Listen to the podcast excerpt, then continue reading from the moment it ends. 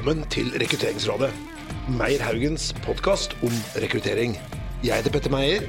Og jeg heter Sverre Haugen. Dette er podkasten hvor vi samler smarte folk for å drøfte hvordan vi kan gjøre rekruttering bedre. De organisasjonene vi skal bruke som case, er Utenriksdepartementet og Circle K. Dagens gjester er Vibeke Ryst Jensen. Hei, Vibeke. Hei, hei. Står til? Jo da, det går bra. Veldig hyggelig å ha deg her. Ja, det blir spennende. Ja, vi har gleda oss. Eh, Du er avdelingsdirektør i Avdeling for kompetanse og ressurser i Utenriksdepartementet. Eh, Og der er du ansvarlig for gjennomføringen av aspirantopptaket. Stemmer det, eller? Det stemmer. Menneskene og pengene. Å, menneskene og pengene. Inntil videre. Bra. I tillegg så har vi Tonje Jensen. Eh, Du er Vice President HR Europe i Circle K. Ja, Takk, hei. Ja, Har du ansvar for pengene også, eller er det bare menneskene? Bare pengene.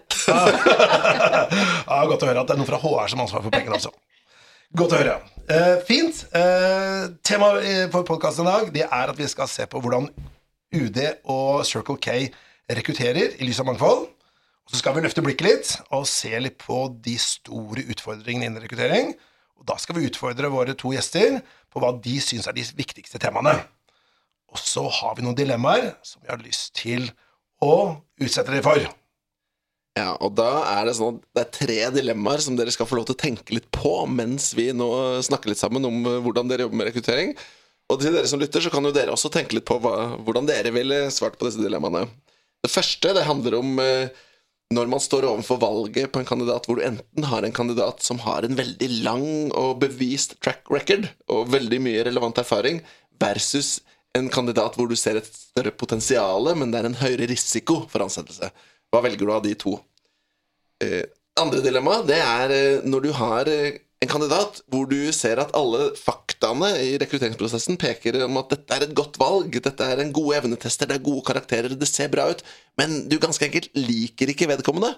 Versus en person som du liker kjempegodt og har veldig lyst til å jobbe med, men så er det kanskje litt sånn ikke helt toppskala på disse andre kriteriene. Eh, og det siste dilemmaet er egentlig et spørsmål. Millennials, eller disse nye, unge menneskene som kommer inn i arbeidslivet, er de noe vanskeligere å rekruttere enn eh, de, som, de tidligere generasjonene? Ja eller nei? Spennende. Spennende. Tenk litt på den, da. Ja.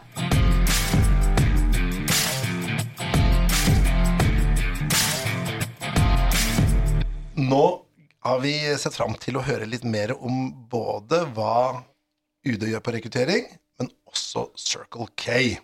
Så jeg tenkte, Vibeke, kan ikke du bare fortelle oss litt, eh, fortell oss gjerne litt sånn kjapt om deg og din bakgrunn, og så har vi lyst til å høre litt mer om hva er rekrutteringsbehovet i UD, og si litt hvordan dere løser det. Det kan jeg gjøre. Først eh, litt om meg selv. Jeg er jo da litt eh, som en klassisk UD-diplomat. Living the dream. Begynte rett etter at jeg var ferdig med å studere. Jeg kom inn på aspirantkurs for 20 år siden, det, og jeg er fortsatt i samme jobb, eller ikke samme jobb, samme arbeidsgiver. Eh, Det som kjennetegner UD, er jo en ekstremt stor eh, grad av permanens. Man eh, kommer inn, og så blir man resten av yrkeskarrieren. Og det har kanskje noe med at vi skifter jobb veldig ofte internt. Vi har en høy intern mobilitet, veldig lite mobilitet ut av UD. Så eh, det er eh, da medført at jeg har jobbet på ulike kontinenter. Jeg har vært i Afrika, jeg har vært uh, utstasjonert i Europa, uh, jobbet i flere avdelinger i UD. Men så har jeg vært da i den jobben jeg har nå i snart fem år, og så skal jeg reise til London til høsten. Eh, Men jeg må bare spørre, har du aldri vurdert å slutte? Nei, faktisk ikke. Jeg bestemte meg faktisk da jeg var tolv år for at det var dette jeg ville, så I am living the dream. Det der høres mer ut som unntak enn regel. Altså sånn Det er veldig atypisk, vet jeg, sånn eh, alle skal skifte jobb, men eh, nei. Men hvis du har kommet i den perfekte jobben din, da, altså siden du var tolv år, tenkte du dette var drømmejobben, og så var det det, og så hver, hvert år har jeg bare vært en sånn eh, Ja, en fantastisk jobb, da. Det må jeg bare si. Jeg er jo kjempeimponert. Jeg kan jo være mot bedre vitende, da. At jeg ville ha funnet noe på utsiden òg. Ja, for du vet jo ikke hva som er alternativet er. Nei, vet jo ikke det. det er litt sånn, høres litt som kona mi. Hun er liksom, hun er farmasøyt og har jobba med det lenge. Og så spør jeg Du skal ikke bytte jobb snart, da, men hun er liksom veldig fornøyd. Da. Nei, jeg tenker, jeg har det bra. Så bytter vi bare jobb internt, vet du, når du liksom går litt lei av det du holder på med. Ja. Masse flotte kollegaer. Så ja. Og aspirantprogrammet tematikken her, eller sånn den røde tråden, er jo det trangeste nåløyet. Det er eh, Du, Petter, er jo samfunnsviter i bånn? Så du har liksom vokst opp med dette aspirantprogrammet som en sånn stor, stor greie. Ja, jeg husker når jeg studerte på Universitetet i Oslo, da, på Blindern på, på 90-tallet, så var det Det var liksom det aller gjeveste eh, å, å begynne på. Det var jo aspirantopptaket. Det var sånn, Visste jo ikke helt hva det var, liksom, men det var bare sånn derre Det var sånn Soria Moria der borte. Og så var det jo da noen av vennene mine som kom inn på det, og de var bare sånn De fikk sånn bragging rights liksom i, i hele liksom Ja, så lenge jeg kjente dem. Så, så for meg har det hengt ekstremt høyt, da. Nei, altså, jeg kan jo godt ta aspirantordningen på to minutter, Ja, hvis du vil det. det. Um, er jo faktisk en veldig gammel ordning. Første gang var 1922. Eh, og så var det noen år opphold eh, litt sånn rundt eh, før krigen. Men, men altså, det er jo en gammel institusjon, akkurat som Utenriksdepartementet er liksom en sånn tradisjonell organisasjon. Um, det er jo den primære måten å komme inn i utenrikstjenesten på for generalister, og for de som da skal bli diplomater. Uh, det er jo diplomatskolen vår. Uh, et trainee-program som eh, er to år i Oslo, og så er det ett første året du er på en utenriksstasjon, er også del av opplæringen din. Uh, Så rundt 15 mennesker i året. Og eh, de Ja, noen toppår som var sånn på 90-tallet, så var det kanskje oppimot 1000 søkere, men det var jo før vi begynte å ha ordentlige screeningspørsmål. Hvor vi etter hvert lukte ut veldig mange som ikke var reelle kandidater. Så nå har det liksom ligget rundt 350 søkere da i hvert opptak. Eh, Og ut av det tar vi 15. Dette er jo egentlig allerede interessant, fordi litt av målet her er å diskutere litt rekruttering, og screeningsspørsmål er jo relevant og interessant for mange, vil jeg tro. da. Ja. For da hadde dere altså 1000, og så har dere kutta ned ved å inn noen tidlige spørsmål. Ja, og rett og slett uh, sile der istedenfor å få 1000 søknader eh, som du skal lese. ikke sant? Eh, og det er Og målet er jo ikke å få så mange søkere som mulig. Absolutt For det er det jo mange av våre de vi kommer borti, som tror at de skryter at de har fått flere og flere søkere år for år. Ja. Og det gjør jo egentlig bare masse merarbeid for dere, Yes. og masse broken dreams. ja, Nei, jeg vil helst ha bare gode søkere, men ganske få. Men hva, hva er ja. Ja, men, men det vil si at det er 350 dere faktisk vurderer? Er det å Eh, altså det, vi, det som er liksom det første skrittet, det er jo at vi går gjennom bunken, da, si om det er 350 eller 400, eh, og så luker vi ut de som ikke er norske statsborgere, og de som ikke har gjennomført høyere utdanning. Ja, Men de røk ikke på screeningen? Nei. Det er f.eks. at folk ikke leser screeningspørsmålene ordentlig. Eh, men ja, kanskje rundt 20, 25, 20 kanskje som ryker ut der. Og av den massen så kjører vi alle gjennom evne- og ferdighetstester, eh, nettbaserte tester. Så det er liksom da kan ansiktsløst, navneløst, for å rett og slett sørge for at eh, vi ikke har noen forutsinntatte holdninger til hvem som er eh, kandidatmassen, da. Så, så langt veldig rettferdig, høres det ut som. da. Veldig rettferdig. Men jeg må bare, jeg er ikke helt ferdig med de screeningsspørsmålene. hva, hva, hva er liksom, har du noen eksempler på de spørsmålene? Nei, altså vi stiller spørsmål om eh, sant, hva slags eh, studieretning, om de har arbeidet utenlands, om de har hatt opphold utenlands, om de har vært, eh, hatt noen form for eh, lederrelaterte oppgaver, sånn typisk i organisasjonsliv eh, og lignende. Så, så, og så er det jo så klart eh, om du er norsk, hvor du kommer fra, kjønn, eh, om du har søkt før. Altså, ja, det er en eh, liste med spørsmål. Og er det, da, er det da sånn at det er et binært liksom, Hvis du ikke har vært utenlands, så får du ikke jobb? Nei, men eh, vi har en, et sånn po- poengsystem, så vi kan jo se på en poengsum. Men den er jo veiledende. Altså, det er ingen som ryker ut fordi de ikke har vært utenlands. Absolutt ikke. Nei. Eh, Så det er liksom to absolutter. Det er at du må være norsk. Det er rett og slett bare en regel. Og det andre er at eh, du har en eller annen form for utdanning. Eh, Men mange er jo i ferd med å avslutte når de søker, og det er helt ok. Alder, er det noe, kan hvem som helst søke på alderssøke? alt mulig kan søke. Inntil, jeg husker ikke hvilket år, så hadde man en alders, øvre aldersgrense på 32, men det ble jo da hva heter det, Likestillingsombudet sa at det ikke gikk an lenger, og kan ikke diskriminere på Likestilling og diskrimineringsombudet eh, sa at man kan ikke diskriminere på alder. Nei, for jeg så på noen av de bildene, de virker jo relativt unge, mange av de som er bilder av. Snitt på 27,5 år eller noe sånt. Så du sier at det fortsatt er håp for Sverre og meg om å søke på dette? ja. Det er bare å kjøre på. Og vi er godt oppe i 40-årene, altså. Ja, ja. Kommer du søknad i Takket være likestillingsombudet. Ja, Ja, ja, kanskje vi skulle kaste meg på den trenden og... Ja, ok, vi får se. Kanskje vi får noen tips i løpet av sendingen. Ikke sant. Neida, det, og det er jo da videre ut, utover eh, at man da har evne- og ferdighetstester, så, så, så leser vi jo da søknaden etter det, etter at vi har funnet ut hvor cutoffen går. Eh, Så blir det mm, en rundt 80 mennesker som blir invitert til å gjøre nettbasert eh, skriftlige oppgaver, altså bl.a. et essay, som da sensureres eksternt, også bare på kandidatnummer, sånn at det også er rettferdig. Men, men, men, men dette er interessant ja, da. Dette, for dette er jo ikke helt vanlig. Sånn her, jeg ville tro at Du skriver ikke noe essay i Circle K, eksempel. Nei, gjør ikke det. Nei. Eh, men så blir det vurdert eksternt, sier Ja. du. Hvem er det du bruker til å vurdere det? En professor på Universitetet i Oslo. Én professor. Mhm. Interessant. I litteratur, da, kanskje? Eller Nei, statsvitenskap. statsvitenskap. Hva skal de skrive om, da? Ja, er, de får gjerne et valg tre ulike oppgaver. En som da kanskje går litt over mot mer juridiske spørsmål, en noe mer mot økonomi, og noe som går med på sånn helt sånn vanlig samfunnsvitenskapelige ting. Eh, og så ut ifra det så har vi ca. 35 som er med i den uken som akkurat har pågått, som er liksom vår assessment center-uke, hvor det da er språktesting, både muntlig og skriftlig. Vi har eh, personlighetstesting, eh, gruppeøvelse og intervju, dybdeintervju med psykolog. Og eh, vi har en sånn kort sånn multiple choice eh, egentlig om norske forhold. For veldig mange av de som eh, søker til oss, er fantastisk opptatt av det internasjonale, og så glemmer de liksom at vi skal representere Norge og fremme norske interesser, så du bør liksom ha vite litt om Norge. så sier du nå at hvis du ikke liksom har peiling på Ivar Aasen og den Nei, det er litt mer sånn hvem er stortingspresident? Å ja. Ikke sant? Sånne litt mer Ja. sånn uh... Men jeg hørte det at uh, Altså, jeg jobbet i Norges Bank da i mange år. Og da hørte jeg at et av de spørsmålene dere hadde, var hvor stort er oljefondet? Ja, Stemmer det? ja, ja. Og, og da er det ikke om, akkurat på millioner eller milliarder. Nei. Det er sånn hvor mange nuller da? Er det sånn ti millioner, eller sant? Eh, nei, 10 millioner, nei, nei. Det er litt mer sånn på milliarden, tenker jeg. Det er på milliarden, ok. Om det er 300 milliarder eller eh, 8900. Det er ikke så vi tar så sånn nøye, vi runder av til milliarden. Det er multiple choice, så du får liksom tre alternativer. Ja, for vi vet jo at det er rundt 8700 milliarder i dag. Ikke sant. Der omkring. Det er 8, 9, 8. Du vet at han bare prøver å imponere deg da, fordi han skal søke sånn opptak? Litt sånn hvor stort eh, andel av Norges landområde er jordbruksområde, f.eks.? 2 Nesten 3 jeg føler at jeg begynner å nærme meg uh, UD nå.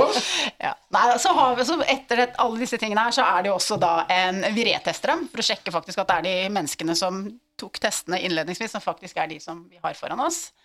Eh, og så er det et panelintervju, da, som jo er eh, noe som kanskje folk gruer seg til, men som jeg egentlig tror er eh, en, en hyggelig opplevelse når de først er der. Hvor mange er det som er i panelet, da? Seks. Så Da er det den klassiske én på ene siden av bordet og seks på andre siden. Eh, ja, bortsett fra at vi har den ene personen er da en observatør, det er da den som representerer arbeidstakerorganisasjonen i UD. Så det er også en litt sånn, kanskje litt sånn rar innordning, men det er for å sørge for at uh, her er det ikke trynefaktor, her er det liksom anstendige forhold. Det er, Men det er ikke sånn der blind screen at de har b- sånn, og sånn da har vi ansikt, og vi har navn og alt mulig. Jeg Men merker jeg eh, får mer og mer respekt for min venninne som kom seg hjem. Så jeg er ordentlig imponert. Jeg får egentlig mer, mer respekt for statsvitere generelt sett. Fordi jeg har liksom vokst opp med den der at statsvitere det er sånn som ingen vil ha, men alle ansetter. For du finner dem liksom overalt, men det er ingen som sier 'vi vil ha statsvitere'. Men nå skjønner jeg at det er noen steder de er veldig attraktive. Ja, da. da, vi er, men altså, vi, har, vi har jo alt fra prester og psykologer og arkitekter til Men det er ganske mange statsvitere hos oss.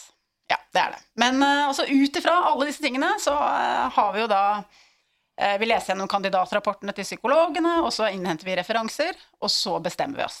Og da ender vi stort sett opp med 15. Det er jo kjempespennende, da. Eh, Men la oss si at um, dere har gått gjennom mange av disse testene som er sånn um, anonyme, da. Ja. Og så får du da denne personen live da inn i dette rommet. Og da er dere sikkert litt overrasket, og jøss, for dere er sikkert litt spent hvem som kommer der. Eller vet dere ikke noe hvem, hva de har svart på testene? Har dere liksom hele beslutningsgrunnlaget når dere møter personen for første gang, eller er det en isolert Vi har hele beslutningsgrunnlaget, men eh, de nettbaserte testene er jo egentlig destillert ned til et tall. Ja. Så vi går jo ikke spesifikt inn i hver enkelt av de testene for å se hvordan skåret de Nei. så detalj. Det kan vi hvis vi er veldig usikre, men det går jo litt grann inn i hva psykologen gjør i sitt dybdeintervju, så det har vi altså da satt ut til eh, profesjonelle folk. Men det som er litt interessant i år, er at vi har prøvd en ny type test, som er en integritetstest, som eh, det er en personlighetstest som da går på å måle eh, potensiell risiko for kontraproduktiv atferd og, kontraorganisatorisk atferd. da. Så det er jo litt interessant å prøve noen nye ting. Men eh, Og det var nytt av året. det var nytt av året. Har du tatt den til Jeg har tatt den selv. Jeg er eh, relasjonsorientert menneske. Mer enn oppgaveorientert, ikke sant. Liksom der, Etter 97 år, altså, så begynte det med integritetstester. Vi har nok stilt en del spørsmål om det, men det er klart at um, ja, altså For mange år siden så brukte man jo ikke tester i det hele tatt, så det er jo litt den der utviklingen den veien det går, da. Jeg tror det, vi har for, for det å ikke skulle ha trynefaktor og det der å skulle liksom kunne bedømme alle på et litt sånn jevnt nivå i starten, så er de testene ganske greie å starte med. Men jeg, synes jo det er veldig morsomt å høre om, fordi vi, vi snakker jo mye om rekruttering og rekrutteringsmetodikk i ulike settinger. Og, og, den, og så snakker vi om tematikken her, det trangeste nåløyet. Det er en veldig morsom prosess, interessant prosess dere har, som er både kombinerer liksom best practices og flinke på screeningspørsmål og tester tidlig, veldig nøytralt og rettferdig. Og så har du disse sånne spicen da, som å sende, sende et essay til en professor. Er det, er det, bare for å spørre, er det én fast professor hvert år? Eh, nei, det har, det har vært den samme nå i noen år, men, men det er jo egentlig en person som da i utgangspunktet var oppnevnt av Utdanning og høyere utdanningsråd eller et eller annet sånt. Nå, sånn, jeg husker ikke hva den institusjonen heter engang. Men, men det har vært den samme personen nå i noen år. eh, Som er eh, statsviterprofessor. Men, men det er jo da for å sjekke om man greier å på fem timer å skrive noe fornuftig på en fornuftig måte om et samfunnsaktuelt tema. Altså, vi, timer, kunne jo, vi kunne jo ha sensurert det selv også, men altså, det er jo et eller annet med å mm. ha et fornuftig Da vet vi at vi får bruke det? Universitetet i Oslo er et av de stedene i verden tror jeg, som er flinkest på å følge den kurven, hvor like mange får A som E. Og? Får en grei eh, vurdering av skriftlig. får de karakter på den. De får karakterer. Har dere telt opp eller, hvor mange steg gjennom den rekrutteringsprosessen? Hvor gjennomsnittlig hvor lang tid liksom, dere forlanger av kandidaten for å komme hele veien gjennom? Liksom? Det er sagt, hørte fem timer der, og så en, en dag. Altså, Evne-ferdighetstestene er sånne ganske korte tester, så du gjør vel alltid ett på en, mellom en halvtime og en time. Men så skal du jo reteste, så der er det også litt tid. Ja, det er jo noen timer, da, og så vet vi jo ikke hvor mye de forbereder seg. Eh, så det er eh, Men de må jo være tilgjengelige på visse tidspunkt, da. Og vi henter jo folk hjem fra utlandet hvis de bor i utlandet. Til den eh, uken som da, var i forrige uke, så henter vi folk hjem. Så det kom noen fra Vietnam og ja, litt forskjellige steder forrige uke. Men, men noe av hypotesen vår her da, i dette programmet er jo at uh, organisasjoner hvor det er veldig stor tilsøkning, så er jo også motivasjonen for å komme gjennom veldig høy. Og de finner seg i mer, da. Ja. Det er den ene delen. Og det andre er at eh, hvis man da har en rekrutteringsprosess som dere har, som, som er ganske logisk oppbygd, da. De skjønner jo hvorfor man skal gjennom de ulike stegene. Så er man også villig til å være med på mer Ja. enn hvis det er en sånn black box hvor du bare putter i masse svar. Du vet jo ikke det, hvordan det skal brukes, da.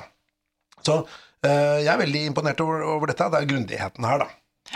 Nei, altså vi, jeg tror vi føler at vi får valuta igjen for pengene. At vi ender opp med en, et kull da, at the end of the line som eh, både passer til det de skal, og som passer godt sammen. For vi er jo ikke, alle skal jo ikke være like. Eh, Vi ønsker jo å ha altså mangfold, eh, også utdanningsmessig, bakgrunnsmessig, erfaringsmessig. At ikke alle skal komme rett ut fra et eller annet universitet og ha hatt international relations. Men et, et veldig interessant spørsmål oppi dette Et veldig interessant spørsmål Det er hvor mange feilrekrutteringer har dere? Å ja, hvor mange feilrekrutteringer? Um, jeg vil de, de skjer jo av og til. Uh, og det er jo nesten utelukkende på at de plutselig ikke egner seg så godt til å være litt sånn terrenggående. Hva, hva vil det si? Altså det å kunne? Vi er jo på jakt etter folk som er robuste, folk som er tilpasningsdyktige, som evner å påvirke andre, for det er jo det vi gjør når vi er ute på jobb i utlandet. Eh, at du kanskje da mm, ikke er god på å samarbeide, ikke skjønner, greier å sette deg inn i roller, ikke greier å ta inn over deg, har nok kulturforståelse til at du vet hvordan du skal jobbe i helt andre kontekster enn det hjemlige. da. Ikke sant? Eh, Så det skjer jo, eh, men ikke veldig ofte. Men det har skjedd. Og ja, hva gjør vi med det? Vi prøver å coache dem. Ja. Det er jo veldig sjelden katastrofer, altså. Det er det. Det er betryggende å høre. Ja. Du, Vi har også med altså, en annen spennende gjest i dag. Det er Tonje Jensen fra Circle K. Og når vi drev og planla dette her, da, Sverre og jeg, så hadde jeg en hypotese. Da, for det, det skrives jo Circle K, men jeg trodde kanskje at det var, kunne kanskje være OK. Stemmer det, eller er det bare sånn, eh, en rar hypotese fra Petter her? Og da kunne være OK, hva da? Ja, at det er circle som en runding, da. Så det er O, og så er det K neste. At det blir OK. Eh, Nei, det Nei, jeg har ikke hørt den før. Den var god. Men den er fin, da. Ja, hadde dere hørt den før? Ok. Det Ta, ser du. ta den med tilbake til kontoret. Ok, Tadde. Eh, dine rekrutteringsutfordringer er litt annerledes enn UD. Dere skal ikke bare ha 15 i løpet av året, dere skal ha litt flere. Ja, sånn sted mellom 50 og 60 000 skal vi ha Ja. eh, globalt, da. Vel å merke. Eh, i, I Europa noe mindre, eh, men fremdeles så rekrutterer vi på hele Europa, så er det ca. én i timen, da. Oi. Eh, hver dag hele året. Jeg tenker stakkars han professor som skal skrive de essayene. Ja, så vi har ikke valgt å ikke belaste ham med det, da. Det er veldig lurt, tror jeg. Ja. Kanskje ikke nødvendig heller. Det er jo ikke skriving de skal holde på med. Nei, det er ikke det. Men det er ganske interessant å høre deg snakke, faktisk. For at, eh, vi har noen fellestrekk, men, eh, men, eh, veldig, men veldig forskjellig, da. I forhold til hvordan vi gjør det. Men vi bruker screening, eksempelvis, da. Men jeg kan jo si, altså litt sånn fra vårt perspektiv, det som jeg er opptatt av, det er med det volumet vi har, så trenger vi å ha både altså vi trenger effektive prosesser, Ja. så vi ikke mister kandidatene på veien. Eh, og så er vi veldig opptatt av liksom det vi kaller candidate journey, for å bruke litt sånn engelsk ord, eh, siden vi er engelske da, eller globale. Men eh, det handler om at vi, vi altså det er mange millennials, begrenset tålmodighet egentlig, for å være her inne i sånne tungrodde ERP-systemer. Så hvordan på en måte kan vi snakke, nå dem, først og fremst? Eh, og så liksom guide dem gjennom den prosessen på en enkel og til og med kanskje engasjerende måte. Mm. Og, og, og så er det kanskje en, en stor forskjell her, da. Det er at um, de som er i prosess hos deg, da, Tonje, hvor enn det er i verden, som ikke får jobben, de kommer jo sannsynligvis til å bli kunder. Fordi de Ja. fleste er jo innom disse bensinstasjonene rundt omkring. Det er ikke liksom samme problemstillingen Og det er veldig mange som mister pass, altså. Ja, det er Ja. Nei da, det er jo ikke på samme måte. Men, eh, men ja. Men kandidatopplevelsen, når du snakker om candidate journey, så er det kandidatopplevelsen vi snakker om. Ja. Hva gjør dere for å sikre denne? Nei, der, er- jeg skal ærlig si at vi har ikke løst den 110% ennå, men vi har et ganske klart bilde av hvor vi vil. Og så jobber vi i den retningen, og så har vi, eh, kjører vi såkalte piloter i ulike markeder hos oss for å liksom teste at det faktisk også fungerer. For å bruke et konkret eksempel på det, da, så er det video, videointervjuing er vi jo veldig nysgjerrig på. Og så er vi nysgjerrige på om vi mister vi noen som på en måte rett og slett ikke er, er vi ikke, som ikke vil være klare eller være komfortable rett og slett med å bruke video og legge ved det når de søker. Men vi tror på at liksom den der tradisjonelle, gode, gamle CV-en ikke nødvendigvis er riktig for oss. Og så er vi ikke helt klare for å slippe den alle steder heller. Nei. Men, eh, men vi har liksom bilder Hvis jeg skal dra, skal jeg dra en liten sånn kort forklaring om hvordan reisen vi ser ut? Ja. Eh, altså, først og fremst så ser vi for oss at det kan til og med kanskje Altså, først så når vi deg der du måtte være på internett. For per i dag så vet vi at millennials altså, Det er vanskelig å få oppmerksomheten deres i det hele tatt. Så det må liksom nå de der de er, med vårt eh, brand på noe vis, og få de nysgjerrige til å søke. Så kan det kanskje begynne som en tekst, at du sender en tekstmelding til et eller annet nummer, og så begynner en chat. Eh, og med det så, så populerer vi vårt HR-system på innsiden, istedenfor at vi har dytta deg inn i den eh, ERP-løsningen der. Men, men da er det ikke Tonje Jensen som svarer på den chatten. Da er det en robot eller Det er en robot, selvfølgelig. Ja. Eh, og så er det eh, Og så blir man da invitert til å eh, Til å eh, filme seg selv, kanskje. Sånn kort videointervju. Og så eh, muligens game, faktisk. I liksom, la oss si fem-ti minutter. Og det, det du da gamer, eh, gir oss en indikasjon på om du er god fit med altså, Jeg merker jeg begynner å snakke engelsk med en gang. Det er litt sånn dumt, da. Men dere får bare sånn på forhånd. Eh, god match, Ja. sånn sett på godt norsk, eh, med oss. Um, og det kan jo være så enkelt som å klare å multitaske på stasjon, så er, må du det. Så da kan det hende du spiller et spill som tester akkurat den evnen. Og så er det summen av alle disse tingene du har vært gjennom, er egentlig i praksis en screening. Ja. Og så sitter vi da og, og vurderer, eller våre stasjonsledere eller et sentralt rekrutteringsteam, vi har litt ulike løsninger der, som sitter og vurderer faktisk den, eh, de som er vurdert som være god match. Da.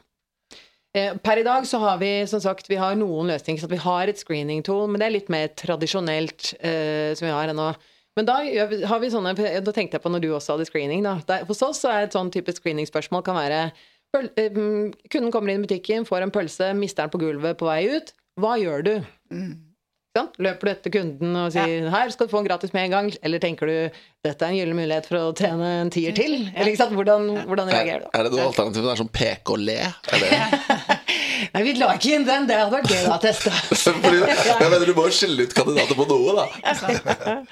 Ja, den tror jeg de hadde tenkt sånn Nei, den er åpenbar, den går ikke for Ja, hvis jeg har lyst på jobben. kanskje. Tenker jeg at Jeg håper jeg de vil eh, tro det. Ja, hva er et svar på det, da? Hmm?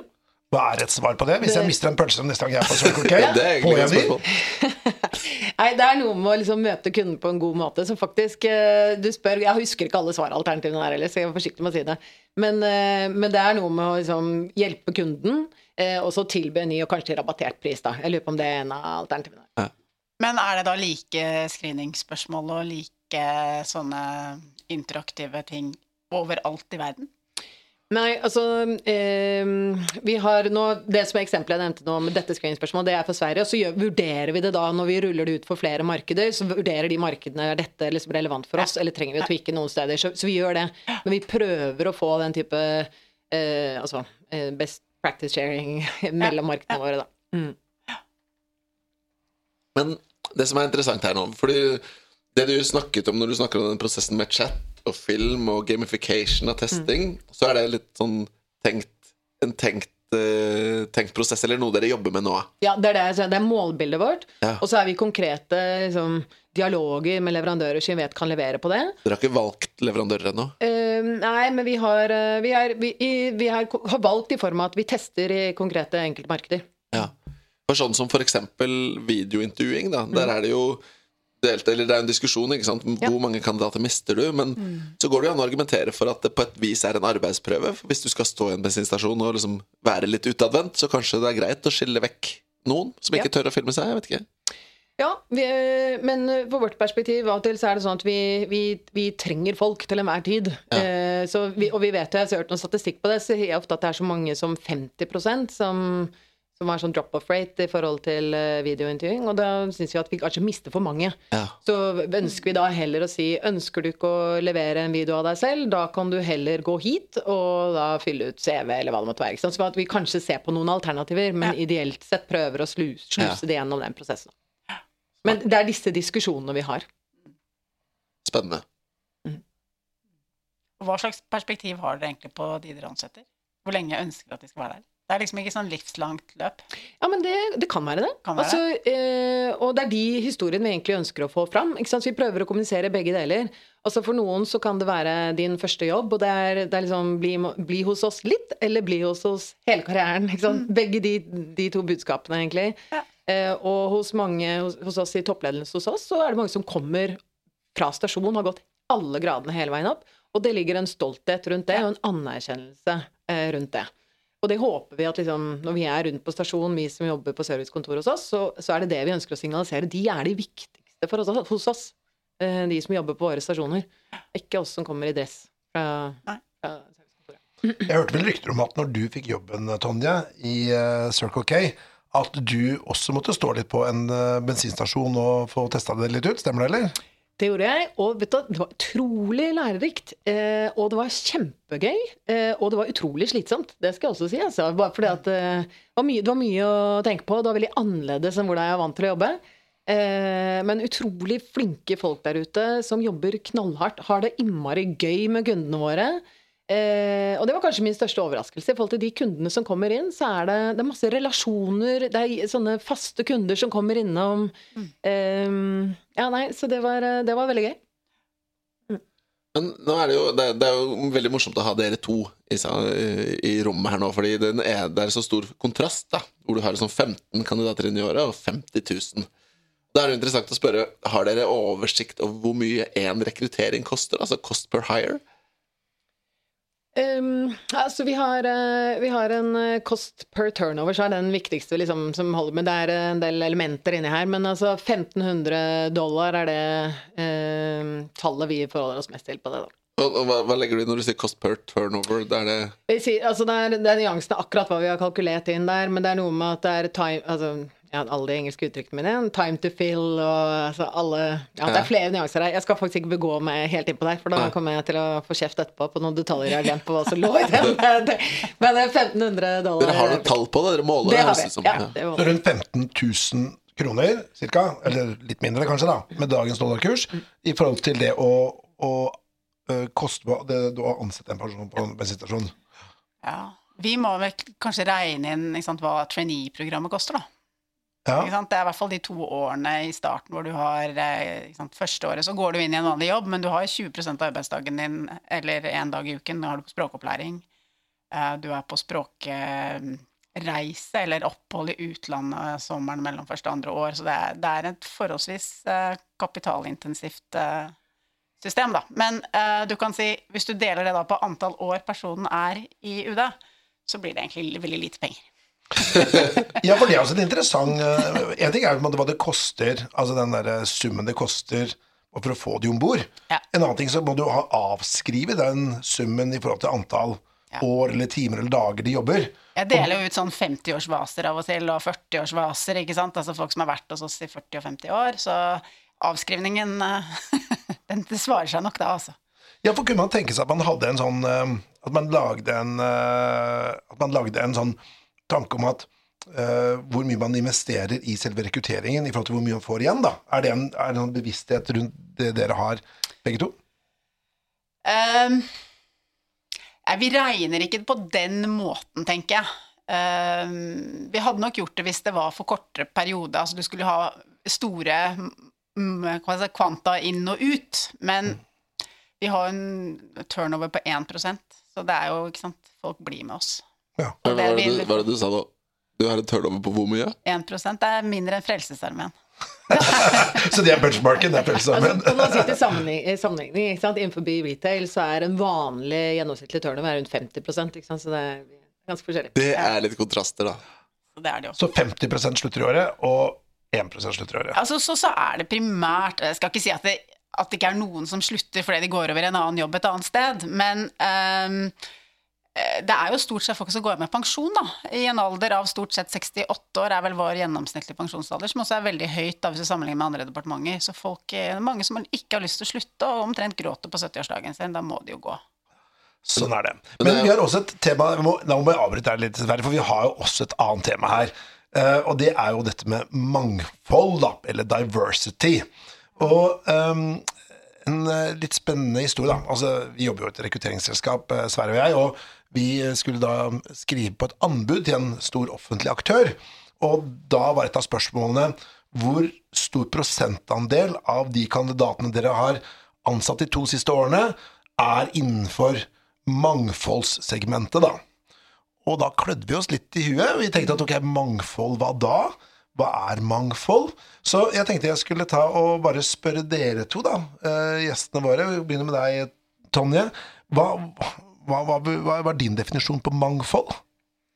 Altså, Vi har en definisjon på det som vi bruker internt, òg. den er bredere. altså Den er, den er ikke bare kjønn, men det er eh, nå kom, ja. Eh, Det er alt fra etnisitet, altså bakgrunn, det er eh, altså, Hva heter det på alle Jeg kommer ingen på de norske ordene, men du hjelper Si det på engelsk. Hæ? Si det på engelsk. Altså det er om du er eh, Du kan være tveskjønnet, altså det er mange Om det er handikappet Altså alle de elementene her vi, liksom vet vi at det bidrar til eh, mangfold. Det interessante Men- er at det er nesten så vi ikke tør å snakke om det. Ikke? Det er så politisk sensitivt. og- Det er, staten har jo en egen definisjon på mangfold, som jeg ja, nå ikke kan spennende. sitere akkurat her jeg sitter. Men den, eh, hvis man leser typisk eh, stillingsutlysninger eh, for eh, stillinger i staten, så står jo den ofte øverst. ikke sant? Men, men, Men- ja, Ja. unnskyld. Ja, altså For oss så tenker jeg at liksom, den, den har vi jo, den forholder vi oss til. Og så er det noe som er enklere å måle. For vi er veldig opptatt av å måle ting vi jobber med. Eh, noe av det er enklere å måle enn andre ting. Eksempelvis så liksom eh, bakgrunn. Vi har ikke noe datapunkt hvor vi følger opp liksom hvor, hvor er du fra, så vi vet, eh, så vi vet akkurat den delen. Men, men kjønn er en ting vi, vi måler. Eh, og så er det litt forskjellig ut fra På stasjonene våre så vet vi at vi har mangfold. Det er liksom bare å gå rundt, så vet vi at vi har, vi har alle eh, Hva skal man si Både bakgrunner og, og, og kjønn, naturlig nok. Og, ja. så, så der er vi veldig godt dekket, men vi ser ikke den samme typen eh, mangfold på våre servicekontor. Og det er, vi, det er vi ikke så glad for. For vi ønsker jo at det vi både skal speile kundemassen vår, eh, både på stasjoner og på servicekontoret. Eh, og når servicekontoret skal støtte stasjonene, så trenger vi også liksom bedre å forstå de og speile de. Mm. Så eh, det jobber vi med. Der har vi ikke kommet helt til mål og langt nok. Og så vi som mange andre ser også at vi har ikke den kjønnsbalansen som vi ønsker å ha på, på alle nivåer hos oss, da, på de øverste ledernivåene også. Så har vi en liten vei å gå. Ja, for der er vi liksom annerledes. Uh, hvis vi da tar, altså Nå er jo ikke aspirantopptak den eneste veien inn i utenrikstjenesten, men, men det er liksom der vi tar generalistene og de som blir diplomater. Men uh, der har vi hatt kjønnsbalanse de siste 25 årene. Altså, jeg tror 1973 var siste gang det var et aspirantopptak uten, uten kvinner. Og etter det så har det jo, hvis du ser på den perioden under ett, så er det 50-50. Ikke hvert år, uh, men under ett så er det det. Um, så, og også på ledernivå, både ute på ambassader og hjemme her i, på Victoria terrasse, så er det jo en kjønnsbalanse. Så for oss er liksom mangfold vi, altså Det er klart, det er jo alltid en del av mangfoldsbegrepet, men vi ser jo særlig på at de som jobber hos oss, skal speile befolkningen. Og der sliter jo vi litt da med f.eks. å ha folk med litt mer ulik bakgrunn. Eh, særlig da folk som har eh, en Kanskje foreldre da, som kommer fra en immigrantbakgrunn, f.eks. flyktningbakgrunn. Eh, det har vi prøvd å jobbe med i flere år, men vi sliter med å få nok kandidater i søkermassen. Så det er der vi må sette inn støtet. Eh, vi har tenkt litt rundt dette med rollemodeller. Altså, vi, har, vi, har, jo for få. Altså, vi er jo en ganske hvit masse kvinner og menn som eh, sitter der oppe. Så kanskje litt for få rollemodeller. Eller så har vi ikke gode nok kanaler ut i de miljøene hvor flinke unge med en annen bakgrunn sitter. Um, og det, det, er liksom en, en aksjonspunkt da, for oss for å få, få til. Um, og når det gjelder ikke sant, mangfoldet knyttet til eh, om man har eh, funksjonsnedsettelse og sånn, så er det klart at ja, det, vi, vi, har faktisk at du har mulighet for å si ifra i vårt screeningskjema om du er, føler at du, du, kjenner deg selv som minoritet, mm. uh, og også om du har eh, funksjonsnedsettelse. Og det er jo noen som haker av på det, men jeg tror akkurat det Vi diskuterer mye det spørsmålet. Fordi mange som har eh, en funksjonsnedsettelse eller føler seg som en minoritet, vil ikke hake av fordi de er engstelige for at det vil kunne telle negativt. Mm. Eh, når jeg snakker med kolleger som da har en annen bakgrunn, så er det veldig forskjellig om no Noen ønsker jo gjerne å fremme det, og altså det som vi ønsker, da. Vi ønsker mangfold og mangfold i bakgrunn, språk, Eh, opplevelser, eh, syn på verden. Mm. Mens andre tenker at nei, jeg skal være som alle andre. Og det tror jeg liksom er litt til det vi kanskje skal snakke om etterpå med, med millennials. De er jo så mye likere. De skal være så like. Men jeg blir så nysgjerrig når du snakker nå. For, der, eh, i forhold til, for du var innom liksom innvandrerfamilie og kanskje andre generasjon, da. Så, mm. riktig, så for, hvor langt inn i de miljøene Jobber dere, altså jobber dere med foreldrene til de dere ønsker å rekruttere? For det er ofte de som hvis jeg har forstått det, de som styrer i hvilke retninger de skal i. Og så bare for lengst for å ta, liksom, Hos oss så gjorde vi oss en interessant erfaring eh, en gang som jeg bet meg merke i, at innenfor en uh, viss geografisk lokasjon hvor vi visste at det var mange fra et type folkeslag som snakket ett type språk, så kjørte vi en, en sånn markedsføring som var på det lokale språket. Med en kjempeeffekt. Mm. For da snakket vi direkte til det. ikke sant? Så, så bare hvor langt går dere, er egentlig spørsmålet mitt, til liksom å komme inn i de miljøene hvis dere virkelig vil? Men, ja. Ja. ja. for samtidig så har dere jo et ganske hørtes det ut som i stad, et ganske tydelig krav om at du må være norsk. Du må være norskborger, ja. Og du må kunne norsk veldig godt. Sånn du må skrive veldig jeg, godt ser, jeg ser liksom ideen ja. med å ha et kampanje på et annet språk, men da vil du jo mm. fort kunne tiltrekke deg for mange feil. Da. Ja, men da tenkte jeg, hvis du skal snakke til, til generasjonen før, som er, kan være mm. med og liksom styre valget til, eh, til ja, Sånn sånn send sønnen din eller dattera di til UD? Ja, så jeg tenker, hvis man, hvis man prøver, må prøve noe nytt, da. Ja. Kan, det, kan, man være med å liksom skifte noen sånn underliggende holdninger? Eh, mulig jeg er helt forutinntatt nå basert på noen bøker jeg har lest, om at den første generasjons innvandrerfamilier ofte sier at okay, det, er liksom, det er leger og ingeniører og sant, de yrkene som man kjenner. da, Så kanskje er det bare litt ukjente for den eh, ja. Nei, altså vi har jo um, Vi er jo på rekrutteringsdager og gjør jo fremstøt mot universitetsmiljøene, høyskolemiljøene. Mm. Men kanskje man bør begynne egentlig mer på videregående allerede? Mm. Altså før du tar de der valgene. Mm. Så det diskuterer vi, om vi faktisk burde gå inn før. Og være mer på, på et par-tre år tidligere enn du tar valg for videreutdanning. Ja. Ja. For, for her høres det ut som dere har noen ting på gang, at dere jobber med dette på et vis. Vi diskuterer og snakker og ja. Så, men, men det er klart, uh, the proof is in the eating of the pudding, så vi er jo ikke helt der enda. Absolutt ikke. Bra. Uh, nå har vi hatt en uh, spennende diskusjon rundt dette med mangfold. Og så har vi pratet litt om både Circle K og også UD. Men nå tenker jeg vi skulle løfte blikket litt. Og uh, Vibeke, hva, hva syns du er kanskje den største rekrutteringsutfordringen som du ser, enten da i UD hos deg selv, eller i hva skal vi si, Norge eller verden eh, generelt? Oh, det var et stort spørsmål. Jeg tror Ja. vi blir litt sånn preget av hvor man sitter selv, da, kanskje. Uh, og jeg, det som er spesielt med oss, er at vi har et internt arbeidsmarked. Og, vi, vi roterer veldig mye internt, eh, mer enn at vi hele tiden rekrutterer eh, nye folk. Men jeg tror nok at, eh, og det er litt til det spørsmålet som kommer senere, altså nye generasjoner er annerledes medarbeidere, eh, og at i hvert fall UD, som er en veldig tradisjonell organisasjon, vi må endre oss for å tiltrekke oss fortsatt de klokeste, beste hodene for oss. Så, så det, det, det er vi må moder, Vi er en, eh, en organisasjon som også må modernisere oss for å tiltrekke oss de beste i den nyere generasjonen. Så, så utfordringen er egentlig at hvordan du fortsatt Eller hvordan du fortsetter å være attraktiv for Ja. de nye generasjonene som Ja. kommer.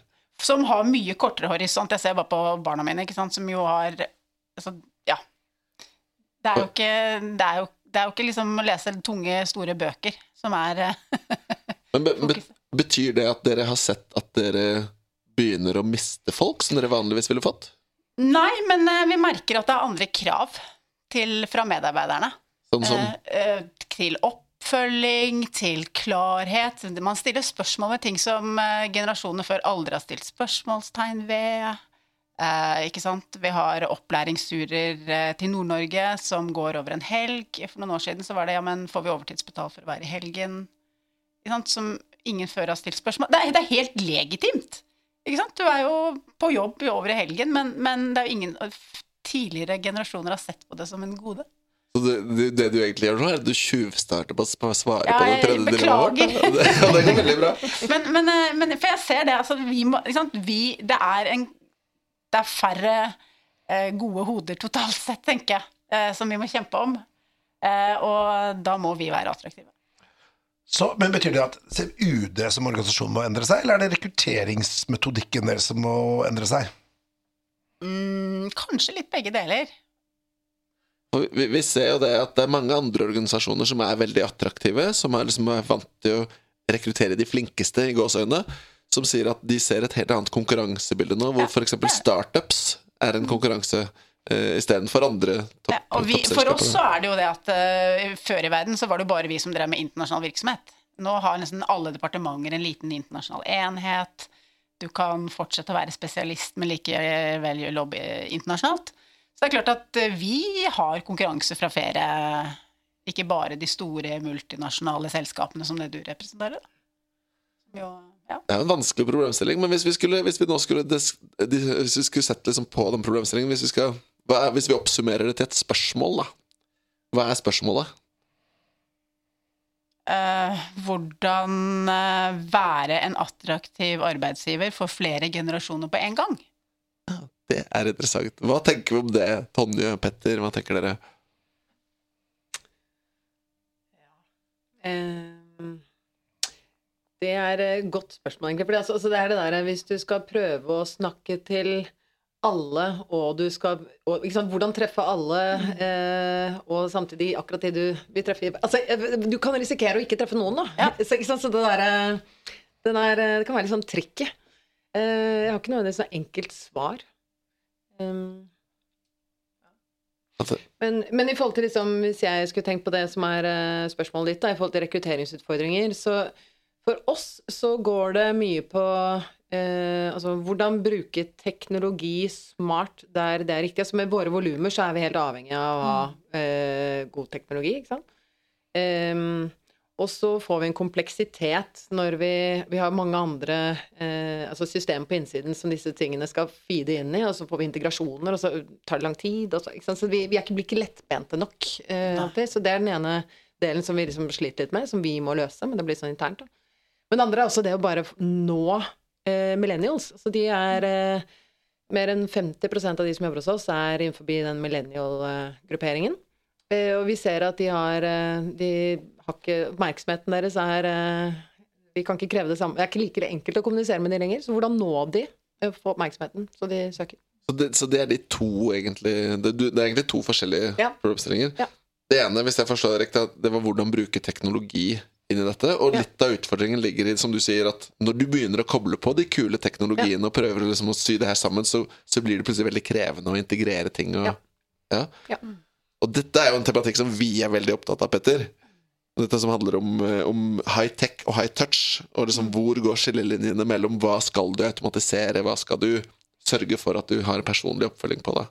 Ja, det er å sy sammen en rekrutteringsprosess som ivaretar kandidatopplevelsen. At du føler at dette er jo dette er en spennende organisasjon. Og også de som da ikke får jobben, at de sitter igjen med et godt inntrykk av deg. For de kan jo fortelle til venner og kjente. I hvert fall hvis man jobber innen retail. At det kan være framtidige kunde, men også UD måte synet på myndigheter og sånn. Man sprer jo det rundt. Det er omdømmebiten. Det er kjempeviktig. Så det er, eh, det er jo eh, gode poenger her. i forhold til, Og så var det dette med andre er jo hvordan man skal da treffe en ny generasjon, da, som, som begge dere to har uh, trekker fram som en utfordring. da. Og det kan jo kanskje være en god overgang da til eh, de dilemmaene våre, Sverre. Ja, men jeg, har lyst, jeg har lyst til å liksom bare først ta den problemstillingen Du litt. vi- ødelegger den gode overgangen min! den eneste gode overgangen jeg har vi må jo, vi må jo Nå har vi liksom bedt om noen utfordringer. Vi må jo diskutere de litt. For det er litt av poenget her. Okay. For, for det jeg tenker på, da som jeg synes er interessant, det er at utfordringen med å nå millennials Vi jobber mye med tech-rekruttering, IT, og det vi ser er at det er, for det første alle skal ha dem. Kanskje litt ref dette med hvordan bruke tech. Alle trenger teknologikompetanse. Og så er det for få kandidater. Og så har vi et marked hvor alle prøver å få tak i de samme. Og det de prøver på, er jo løsningen er jo den samme utfordringen hvordan nå dem. Og så ender det opp med at de roper høyere høyere. høyere sant? Er det litt det samme problemstillingen når det gjelder millennials, da, sånn speilet ut? At, har de så mye muligheter? Er det det, eller er det noe annet? Nei, eh, må se om jeg svarer på spørsmålet ditt. Da. Men altså, hos oss så tenker jeg ikke at det er ikke å rope høyere, men det er eh, jobbe smartere. Altså at vi f.eks. nå så vi knyttet til oss en leverandør, en tredjepartsleverandør, som, og vi sier vi ønsker å nå eh, kandidater, eh, studenter, den, cirka denne alderen, innenfor denne lokasjonen. Og så vet den tredjepartsløsningen kan da spre vårt content akkurat der de måtte være. Ja. Ikke sant? Så det er å jobbe smartere, det er litt mer egentlig som marketing jobber da, allerede, Mm. men at vi gjør det fra HR eh, for å nå dem. Det er jo interessant. Så bra. Men de blir jo da på hva skal jeg si, employer branding-biten, altså markedsføringsbiten. Ja, det er første steget steg i rekrutteringsprosessen, ikke sant? Få oppmerksomheten deres, og så sluse de ut mot uh, våre plattformer. Så de, Smart. smart. Nei, men, men dette er jo veldig interessant. Jeg, nå skal jeg bare først, Før du får overgangen din, Petter, så skal jeg oppsummere ikke sant? de utfordringene vi har snakket om da. Det er, den ene er liksom hvordan tilpasse organisasjonen eller tilpasse det du har, til millennials og andre generasjoner. Og så har jo du egentlig noe relatert, Tonje. Hvordan nå disse millennials eh, Så da, da tror jeg kanskje du har broa di, Petter. Nå kan du ta overgangen. Ja, eh, vi startet jo eh, programmet her Tusen takk, Sverre. Vi startet dette programmet her med å komme med tre dilemmaer. Så jeg håper dere som har hører på podkasten, har tenkt litt hva dere ville svart. Og vi skal da selvfølgelig også utfordre våre to eh, gjester her. Men Sverre, vil du bare gå gjennom disse dilemmaene en gang til? Og så foreslår jeg at vi, vi uh, Her er det bare svar, det er binære svar. Altså det er ja eller nei. Uh, eller det ene eller andre, da. Ikke sant? Så du kan ikke, og så kan du få lov å utdype det etterpå. Men vi tar bare begge, begge gjestene våre skal få svare ja eller nei på dilemmaet. Sverre. Og det første dilemmaet det er altså da hvor du har den ene kandidaten som er, har erfaringen, har track record og har jobbet lenge. Kanskje, ja, kanskje litt lenge, jeg vet ikke. Den andre kandidaten har ikke erfaringen, men du ser et, kanskje du tror det er potensialet, men det føles som en høyere risiko å ta inn vedkommende. Hvem velger du av de to? Den erfarne eller den som er eh, potensialet, men risiko? Hvis jeg skal snakke for aspirantopptaket, den med potensial. ja, altså, jeg må jo nesten si en rasjonal først, men ok, jeg følger spillereglene her, da, så jeg går også for den på potensial. Ok, hvor, hvor, hvor rasjonale det høres ut som du altså, det. jeg må at Det vil jo være helt avhengig av hvilken stilling du rekrutterer til. ikke sant? Hvis du har en, eh, en, en leder på seniornivå som virkelig skal ta organisasjonen gjennom en større endring, så, kan, så må jeg på en måte vite at den personen Ja. Det, det, vil ikke, da ville jeg ikke tatt den sjansen. Da er det en erfaren Mm. kandidat som er riktig for den stillingen. Så det vil alltid være hvilken kontekst er det vedkommende skal inn i. Hvilken jobb, hvilken Ja, rolle. ikke sant? Men så grunnen til at jeg liksom falt ned på den eh, liksom, potensialet, er liksom unge altså Jeg tenker at det er mye som har skjedd nå på teknologi og hele den siden der. Um, og jeg har sett utrolig mange flinke folk som jeg ikke tror på, så um, innenfor uh, sånn generelt eh, så kunne jeg falt ned på den unge potensialet. En som er litt sulten, har lyst Ja. til å vise seg og Ja. gjøre en god jobb. En Nå har det tempoet, og alle endringene som skjer nå på en gang. Ikke sant? Alt det, da. En liten sånn fun fact inni det. Du sier den som er litt sulten. Visste dere det at sulten er et av de mest negative ordene du kan bruke i en stillingsannonse? Jeg tror ikke jeg ville puttet den der. For det, det, er bare, det, er ikke, det er ikke noe vi skal gå inn på, men det er et av de ordene som færrest blir attrahert til da, Ja, det. Det kan jo være et tema for en annen podkast. Hvilke tror om det er ord fordi at de tenker at det er, det er så masse jobb, og at det er den generasjonen nå som tenker at det Altså rett ditt poeng med liksom overtidsbetalt i helgen. Ja. Bra. Neste dilemma, Sverre. Neste dilemma det er altså der hvor du har to kandidater som du må velge blant. Den ene kandidaten så er det bra karakterer, bra evnetestresultat, riktig erfaring, men du liker ganske enkelt ikke vedkommende. Du tenker at dette kan bli litt slitsomt å jobbe med, egentlig. Den andre er en person som er bare Du tenker dette passer inn i kulturen. Det er akkurat den kulturen vi ønsker. Og så er karakterene litt middelmådige, evnetestene average. eh, Og det har liksom ikke den erfaringen og track recorden. Hvem velger du? Altså, da kan jeg spørre om mer informasjon. Altså, hvor mye fakta er det bare Altså, er det mer referanser? Det er et dilemma, dette her, Tonje. Så du må Det er binært. Det er det ene eller det andre. Så kan du heller få drøfte det etterpå. Eh, altså, jeg sliter veldig med å si at jeg ikke tar faktabaserte beslutninger. Så det, Ja, det er bare den Det er noe grunnleggende Det er noe grunnleggende som skurrer der. Eh, men altså, hvis, jeg at, hvis du sier at faktaene jeg har, er bare eh, karakterutskrifter eh, og CV, så ville jeg sagt at da ville jeg fulgt magefølelsen. Men Jeg sa erfaring også. så er erfaringa. Eh, med referanser. Ikke referanser. Ikke referanser. Da ville jeg sagt som en erfaring Erfaren rekrutterer. Ødelegger hele, hele sjansen eh, altså, kulturell fit er jo utrolig viktig. Eh, og hvis man har rekruttert mange ganger, og den magefølelsen er sterk, så stemmer den ofte, eh, min erfaring. Så, eh, men jeg syns det er Ok. Jeg skjønner det er vanskelig for deg, Tonje. Det er vanskelig. Jeg er litt samme sted. Um, Og hvilket, hvor var det? Ja, hvor var Nei, altså til, altså det å være ja, eh, pa- Jeg vil heller uh, lære opp en i eh, litt grann faglig touch, uh, men vite at det er en person som du kan sende ut i krigen, med, enn å ta en som du rett og slett ikke tror passer i organisasjonen. Det er noe som heter 'hire for personality and train for skills'. er jo en Ja. gammel jungelord da, Ja. innen rekruttering. Men går dere begge ut for en du liker, og selv om alt av tester peker den andre veien?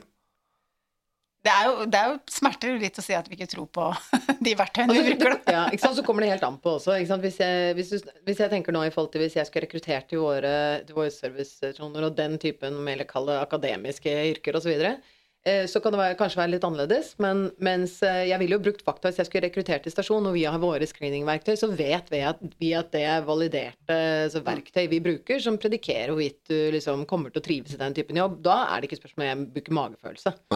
Og det, Så, så det, er, det, er liksom, det er umulig å ha liksom et veldig enkelt svar. Til det, og det er derfor det er dilemma, da. Sikkert. Ja, det, det, det er det som er derfor. Og det, og det er jo klart, det er, det, er jo, det er jo ikke lett å svare på, og, og det ligger jo litt sånn i alle som har litt kunnskap om rekruttering, vet jo at du skal ha her Magefølelsen er den store, stygge ulven. Men det som jeg syns er interessant, det er at ofte, i hvert fall i det som handler om rekrutteringsforskning og sånn, så blir kulturell fit og disse tingene litt sånn Det virker som det blir litt Det er ikke sett så mye på. Det er mer sett på prestasjon, på evner, på karakterer, ikke sant. Så det er nok noe med det.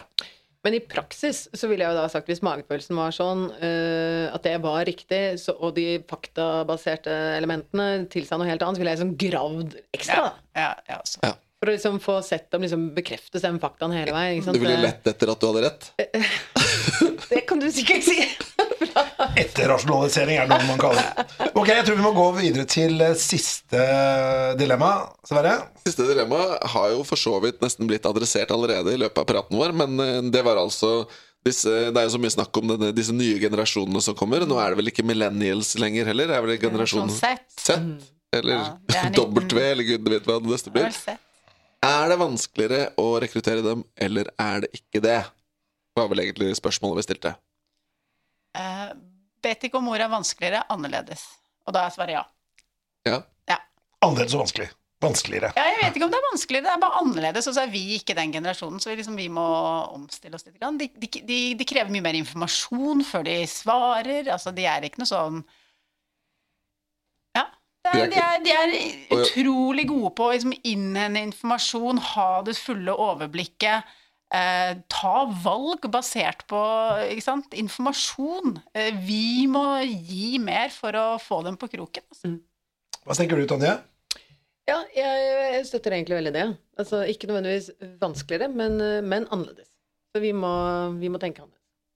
Hva er den store forskjellen? da? For du, dere i Circle K rekrutterer jo mange uh, unge folk, da. Uh, hva vil du si er på en måte det som er typisk eh, kjennetegn med den generasjonen?